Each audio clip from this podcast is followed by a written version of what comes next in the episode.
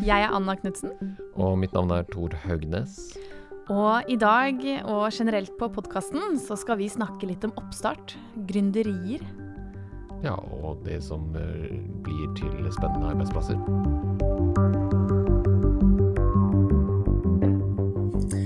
Da er vi her tilbake, Anna og jeg, som sitter og kokkelurer og snakker om eh, gründerskap og entreprenørskap, og i full krise, ikke sant? Jo, Men vi, men vi har det ganske bra, tross alt. Vi sitter innendørs på hvert vårt hjemmekontor. Tross alt. Det er jo mange som sier nå at vi, det, skal ikke mye, det skal ikke så mye til, da. Vi trenger bare å sitte inne.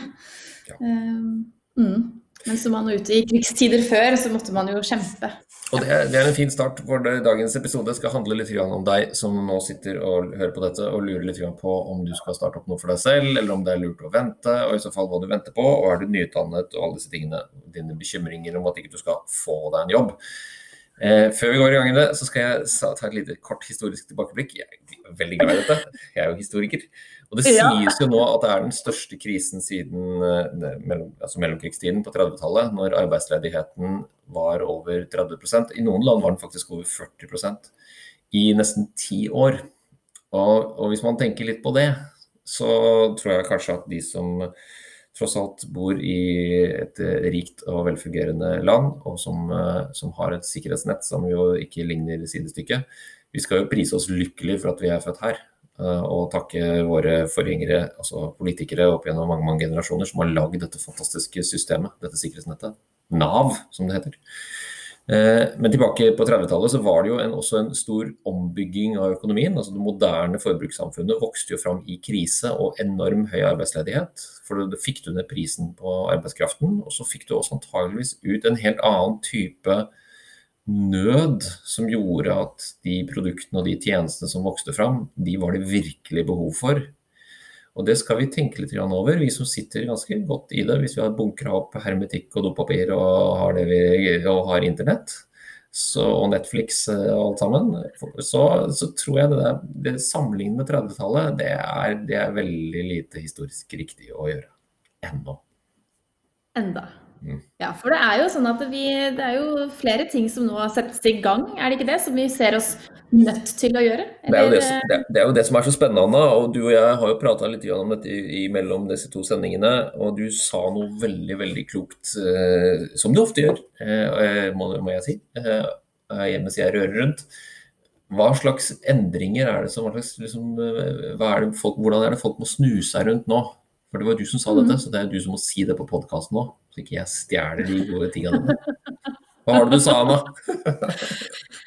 Nei, altså det må jo bli gjort noe, noe nytt. Altså folk må kanskje digitaliseres enda mer Ja. enn det vi allerede er i dag. At vi, vi blir helt nødt for å få ting til å gå rundt. Da. Og det som tidligere var nice to have eller ikke på prioriteringslista, kommer kanskje nå på toppen av prioriteringslista, og det er mer må Mm. gjøre det nå, fremfor nice to have. Ja. Og da, Ja. da, vi snakket om det å, å snu seg rundt digitalt. Hva legger Ja. du i det inn i ditt uh, unge hode? Snu seg rundt digitalt er rett og slett å være tilgjengelig. Altså tilgjengeliggjøre seg mer for de kundene eller de, eh, ja, de kundene eller den massen man skal nå ut til. Da. Hvis du er et hotell og plutselig skal drive med levering av mat, altså hvor skal de bestille maten hen? Altså det Mm. må komme i gang noen, eh, noen eh, ting da, som de bare er nødt til å snu seg rundt om og, og få på plass. Ja, men Tror du det her er to måter å se hele situasjonen på? At, at det er noen som vil være litt nysgjerrig og prøve å utforske disse nye mulighetene, og så vil det være ganske stor majoritet, er jeg redd, som setter seg litt sånn eh, nedpå og tenker bare herregud, dette blir vanskelig, hvordan blir det nå med sommerferien, og kommer jeg i det hele tatt, å herregud, rypejakten, eller hva annet de planlegger til høsten. Altså alt bare nå forsvinner ned, og ikke for å glemme påskehøytiden. Herlighet. Altså det, det er mye dårlig stemning nå, altså. Er det, er det ikke sånn? Tror du det kan, kan det, er det to forskjellige perspektiver å se det som skjer på? Eller er det kanskje overdriver jeg selvfølgelig? Eh, Er det flere? Er det ikke alltid det, Tor? Det er kanskje et sånn midtpunkt der òg, man kan velge litt. Så en, en, Nå snakker du om et hotell som da har et kjøkken, og som bestemmer seg for at hm, skal vi se om det er noe marked her for å, for å selge maten vår ikke i restauranten, vil jeg tro, men altså på, til folk som da før ville ha kommet til restauranten. Ja. Og Hva er den digitale omsnuingen der da, mener du? Nei, det kan være superenkelt. Mhm. Rett og slett bare lage et skjema på nettsiden som gjør at det er enklere for folk å få oversikt over både meny og bestilling opp til flere, kanskje åtte personer eller flere.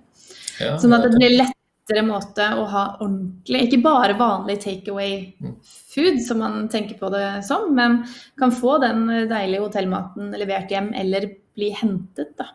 Blir du din egen kelner på et vis, da? Men det hadde vært morsomt å visst inni hodet til, til flere, da. Som nå, det, kanskje ikke det er morsomt, men jeg tenker jo at de som er i den smerten at de er nødt til å, å tjene penger, har eh, et, i dette tilfellet noen ressurser som de kan mobilisere. Og så kan de jo undersøke i markedet sitt om det er interesse for dette. Og i ditt tilfelle nå, da, som, det, som du fra toppen av hodet bare hadde med deg, har de gjort det? Har de liksom undersøkt i markedet sitt om noen vil kjøpe dette? Ja, altså De fikk jo da, jeg tror det ble lagt ut på Facebook, et hotell altså som, som ville gjøre dette og Mm. levere. Eller, hente, eller la kundene hente selv. De fikk plutselig sånn 100 kommentarer på det innlegget på Facebook. Ja. Så det er jo eh, tydeligvis da noen som har lyst til dette. Ja. Og eh, ikke har lyst til å lage maten selv hjemme. Det har jo dukket opp noen innimellom alle krigsoverskriftene i avisene nå, for nå har de jo skikkelig prime time i alle redaksjonene. De konkurrerer jo om å gjøre oss mest mulig depressive hvis ikke vi var det fra før. Så vi smører de på med krigstypene sine. Og så kommer det av og til noen sånne gladnyheter, for jeg da er jo vokst opp inne i skogene oppe i Østlandet. Og i Glåmdalen kunne jeg lese nå at der gikk jo omsetningen i dagligvarebutikken rett til værs. Og det skyldes at handelslekkasjen til Sverige er jo nå tettet. Og folk Ja. er hjemme på tettstedet sitt og handler. Så, sånn blir jeg, jeg glad av. Altså, det er jo helt supert. Dessuten snakket jeg ja, ja, det er kjempefint. Jeg snakket med faren min her om dagen. Han påsto da han er godt voksen og husker ikke så godt og har ikke helt oversikt over alt, men han kunne fortelle meg han var helt overbevist at det greiene jeg snakker om nede i Oslo, de har ikke kommet eh, der hvor han bor ennå. For han har ikke sett det ennå. Så det er helt nei. Så dette er helt supert. Det er god stemning. Men folk er eh, rare. Jeg leste også da i, eh, i eh, nyhetene nå at det var noen som brukte disse gamle eh, ikke smug, smuglergrensene mellom Ja. Norge og Danmark, nei, Norge og Sverige for å dra på oss og så Ja, ja. handle. Vil, en tur i, over til grensen. Jeg tror det ligger i genene til folk som har vokst opp langs svenskegrensen. Harryhandel. Ja, men det er ikke, ja, du kan kalle det det. Men det, det, alle andre land i normale tider gjør jo dette også. Altså Danskene drar til Tyskland, og svenskene drar til eh, De vil ikke innrømme det, men de drar jo også da østover. De drar også til Danmark, faktisk, hvis de bor i Sør-Sverige. Eh, Og tyskerne, de, hvis de bor i nærheten av Polen, så drar de dit. Så det, det, er jo, det, er jo, det er et eller annet med det der eh, at det er noen varer er litt billigere, og så er det litt eksotisk, og så får man seg en tur. Nå er det jo litt nye tider, men vi skal ikke snakke om grensehandel. Og, og, men, men prøv til folk der ute som kjenner på den der litt sånn ubehagelige når det kommer fryktelige historier som, som påvirker deg. Prøv, prøv å smile av. Altså. Det, det gjør noe med deg hvis du bare konsumerer eh, triste framtidsscenarioer. For det er jo det vi skal snakke om. Hva kreves av en, eh, nå i dette tilfellet hotelldirektør, eller en til hvem det nå er som fant på dette her, eller andre som går og tenker på noe, eller kanskje sitter. De går jo ikke så mye, sitter for lite. Nei, Ja. de går jo for lite. Sitter for lite. Men jeg så, på, jeg så på nyhetene tror jeg det var i går, hvor eh, en eh, professor uttalte seg på vegne av studenter, eller nyutdannede studenter, at Mm. det blir vanskelig nå å få seg jobb. Ja, takk og pris for det. Endelig. Ja, det mener jeg virkelig. Jeg har i mange år irritert meg så folk som går rundt og fjatter om at ja, nå skal jeg få meg en jobb. Og det er helt feil. Altså, dette, er, dette er den største ombyggingen som moderne arbeidsliv har sett altså, før korona også. Det er en stor omlegging til mot kunnskapsarbeidere som jo tar utdannelse, som de skal bruke til å være et verktøy i en virksomhet. Og så går de rundt der som hjemme, jeg skal jo få en jobb, jeg skal rulle ut en rød løper, og så skal jeg være den beste kandidaten, og så skal jeg fjatte meg inn der og få alt servert. Og nei, det er ikke sånn det er. Kunnskap det er noe du for så vidt må demonstrere at du kan eh, anvende, i konkurranse med mange andre flinke folk. Ja. Og da er den treningen på, på så realistiske oppgaver som, som overhodet mulig, er jo det vi egentlig burde drive med, og i mye større grad også øve opp kandidatene til.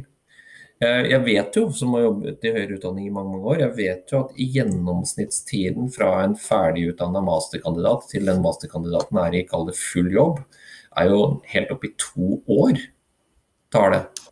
Før disse typene er brukbare kandidater. De tror det ikke sjøl, men uh, sånn er det. Ja. Og Det handler om den kompleksiteten og den, de utfordringene som arbeidslivet har. og, det, og kan, det, er jo veldig lett å skylde på utdanningsinstitusjonene, men det er også fristende å skylde litt på kandidatene. Mm. Så det at dette skjer nå, det forsterker jo bare der, det gapet mellom det vi klarer å danne folk til, og så skal de jo ut, det er det som er utdanning, og, og prøve å gjøre rede for seg der ute i arbeidslivet. Men, men, da må man jo ha noen ferdigheter, og dette er jo diskusjonen om hvilke ferdigheter trenger du i en tid hvor det nå ikke bare er masse spennende jobber å velge mellom, men her må du faktisk sjøl demonstrere at du har et verktøy. Mm. Så det var en hvordan, Ja. Mm. Hvordan gjør man men hvordan, ja, men altså når, hvis du er nyutdanna, da. Eh, og du, du, det tar eh, to år etter at du er i jobb til å bli en eh, kompetansemedarbeider, da, kan man ja. si det? Ja. ja. Og så Hva skal du fylle de to åra med nå, hvis du ikke kommer ut i kommer ut i jobb, eller får tatt seg en jobb, da. Ja, ikke sant. Og fordelen da er jo at de som skjønner det, de må jo selge seg inn med nettopp det. At de er nye, at de har den ferskeste, kall det teoribakgrunnen, men også noen skills innen helst digitale verktøy som de kan demonstrere. Og så være en ressurs på arbeidsplassen for å, for å få kall det anvendelsen av verktøyene til å bli bedre. Da. Altså utnyttelsen av de systemene som allerede finnes, den er ekstremt lav. Og så er det veldig mange som går ut i arbeidslivet som tenker at er, jeg er i arbeidslivet for min skyld. Ja, men du er ikke bare det, vet du. Du er der jo en ressurs i samspill med andre. Ja, nei, Entreprenøriell kunnskap da, og forståelse av hvordan du skaper verdi for noen, det ligger jo i kjernen til enhver eneste kall det teoretiker. Og, og, teoretikere med veldig stort ego og kanskje litt høyt selvbilde, de blir jo veldig fryktelig dårlige kandidater. I hvert fall i, i tider som det her, hvor det ikke er behov for sånne. Du har behov for de som kan snu seg om digitalt, som du sa. Altså de som evner å, å gjøre noe ut av en vanskelig situasjon. Det er jo entreprenørielt. da. Så det å kunne skaffe fram bevis for at du har noe du, du, vet, eller noe du kan vise, eller et eller annet du kan demonstrere, som gjør at folk har lyst til å jobbe sammen med deg. Ikke at de ruller ut løperne og sier at ja, du må jo jobbe her, for du ser jo så jævla bra ut. Det er en helt annen virksomhet. ja, men, men, hvis du, det kom også ut uh, her om dagen at det, Stortinget eller regjeringen da, skal legge ut et forslag for, uh, for videreutdanning for de som typisk er permitterte eller arbeidsløse. Så tenker jeg at uh, hvis man skal, skal tilegne seg noe tverrfaglig tverrfaglighet nå, eller mm. tverrfaglig kompetanse. Mm. Hva, hva, tenker du kunne vært interessant der? Det er vanskelig å svare helt konkret på det. for da, da, det, Jeg har jo også lest det der. Jeg, jeg, har jo hørt om at man har snakket om at den tiden vi er inne i, og det er jo før koronakatastrofen har truffet oss, det er jo at man må kunne verktøyene bedre, og man kunne selv også forstå hva kunnskapsarbeidere må levere. Men så vil du alltid ha behov i et samfunn, så, så vil du ha behov for helsepersonell, og du har behov for lærere og du har behov for alt mulig rart. Men det vi jo ser nå, er at de, de også må kunne digitalt samhandle. Det, det holder ikke at ikke du at du ikke får det til, liksom. Så man må i hvert fall starte der og bli trygg nok på verktøyene som allerede fins. Og det kan man jo lære seg. Og det er ikke å lære seg å programmere, det er rett og slett å lære seg samhandlingsverktøy og digitale verktøy godt nok Eh, det gjør litt vondt, for det betyr jo at man må liksom krype til korset og lære seg ting. Eh, se videoer, kanskje sertifisere seg hvis det er mulig. Kanskje utfordre seg sjøl på, på, ting som man Jo, du vet hvordan telefonen din virker, men du kan egentlig ikke bruke den så veldig mye. Annet enn å sjekke, sjekke meldinger og samhandle med de som, de som du alltid har samhandla med, på de plattformene som noen andre har bestemt at du skal bruke. Så det å gå fra mm. bare å være en bruker til kanskje til og med en påvirker på de rundt deg, det syns jeg er et fint sånn mindset å tenke litt på. Det er ikke bra nok at du veit hvordan Teams funker. Det er, det er, viktig at du finner ut av hvordan Teams eller Google Hangout eller Zoom kan skape verdi for det teamet ditt du jobber sammen med. Ja, og der syns jeg også du er inne på noe som vi har brukt flere år også på å prate om. Men du nevnte det at eh, arbeidslivet er for deg. Men du mm. skal jo også tilføre verdi. Så mm. det å kunne anvende teknologi også for at det skal jobbe for for deg. Ja. Ikke at du må knote masse, men at man jobber for deg. Men der kommer vi også til at hvordan, hvis du nå sitter og er permittert da, eller arbeidsløs, eller tenker på andre måter du kan eh, jobbe fordi du trenger en jobb, Ja. så kan man jo snu om på det og si hvordan kan vi nå gi verdi Exakt. til noen som trenger det. Og der hadde du godt eksempel. Ja, men du en, hvis du er en nyutdannet student også, kan du godt ta med det. altså du sitter og lurer på hva skjer nå. Da er Det første du må begynne med, er jo med deg selv. altså Hva, hva slags verktøy er du, og hva kan du bidra med? og Hvis svaret på det er jeg er litt usikker, så, så, så er, det jo, er det i hvert fall det du må finne ut av. For folk Ja. har jo behov for de som kan veilede, eller som kan noe, som har noen ferdigheter til hvordan virksomheter og, og, alt egentlig kan forbedres. Og da er vi inne på hele kjernen til hvordan ting kan utvikles. Vi er jo nødt, I denne situasjonen vi er i nå, så kan jo egentlig alt utvikles.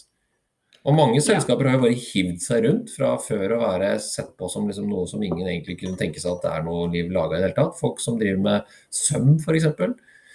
Folk som driver med 3D-printing, som aldri har klart å betale noe annet enn enn den plastikken som de har hatt liksom tilgjengelig og lagd tull og prototyper av, kan nå produsere smittevernutstyr. Begge de to kall det e- enhetene kan jo det, for dette er ressurser som gjør det mulig å printe og, og sy ting som man virkelig trenger i helsevesenet akkurat nå. og Da er det høy etterspørsel etter det. Da bør man hive seg rundt og se om man kan gjøre det. For det skaper jo verdi til samfunnet. Ja, og så kan Det også, det er ikke sikkert at du lager den ultimate 3D-printa ansiktsmasken for, for smittevern, men du kan i hvert fall følge med på hva som skjer, og så tenke ut noen originale tanker om at hm, er det noe som får hjertet mitt til å banke litt og får meg til å være våken hele natta og ikke se på en ny Netflix-serie, men faktisk lage noe som jeg så kan fortelle om til noen som du kan skape verdi for, ja, da er du på sporet av å, å bli selvstendig næringsdrivende.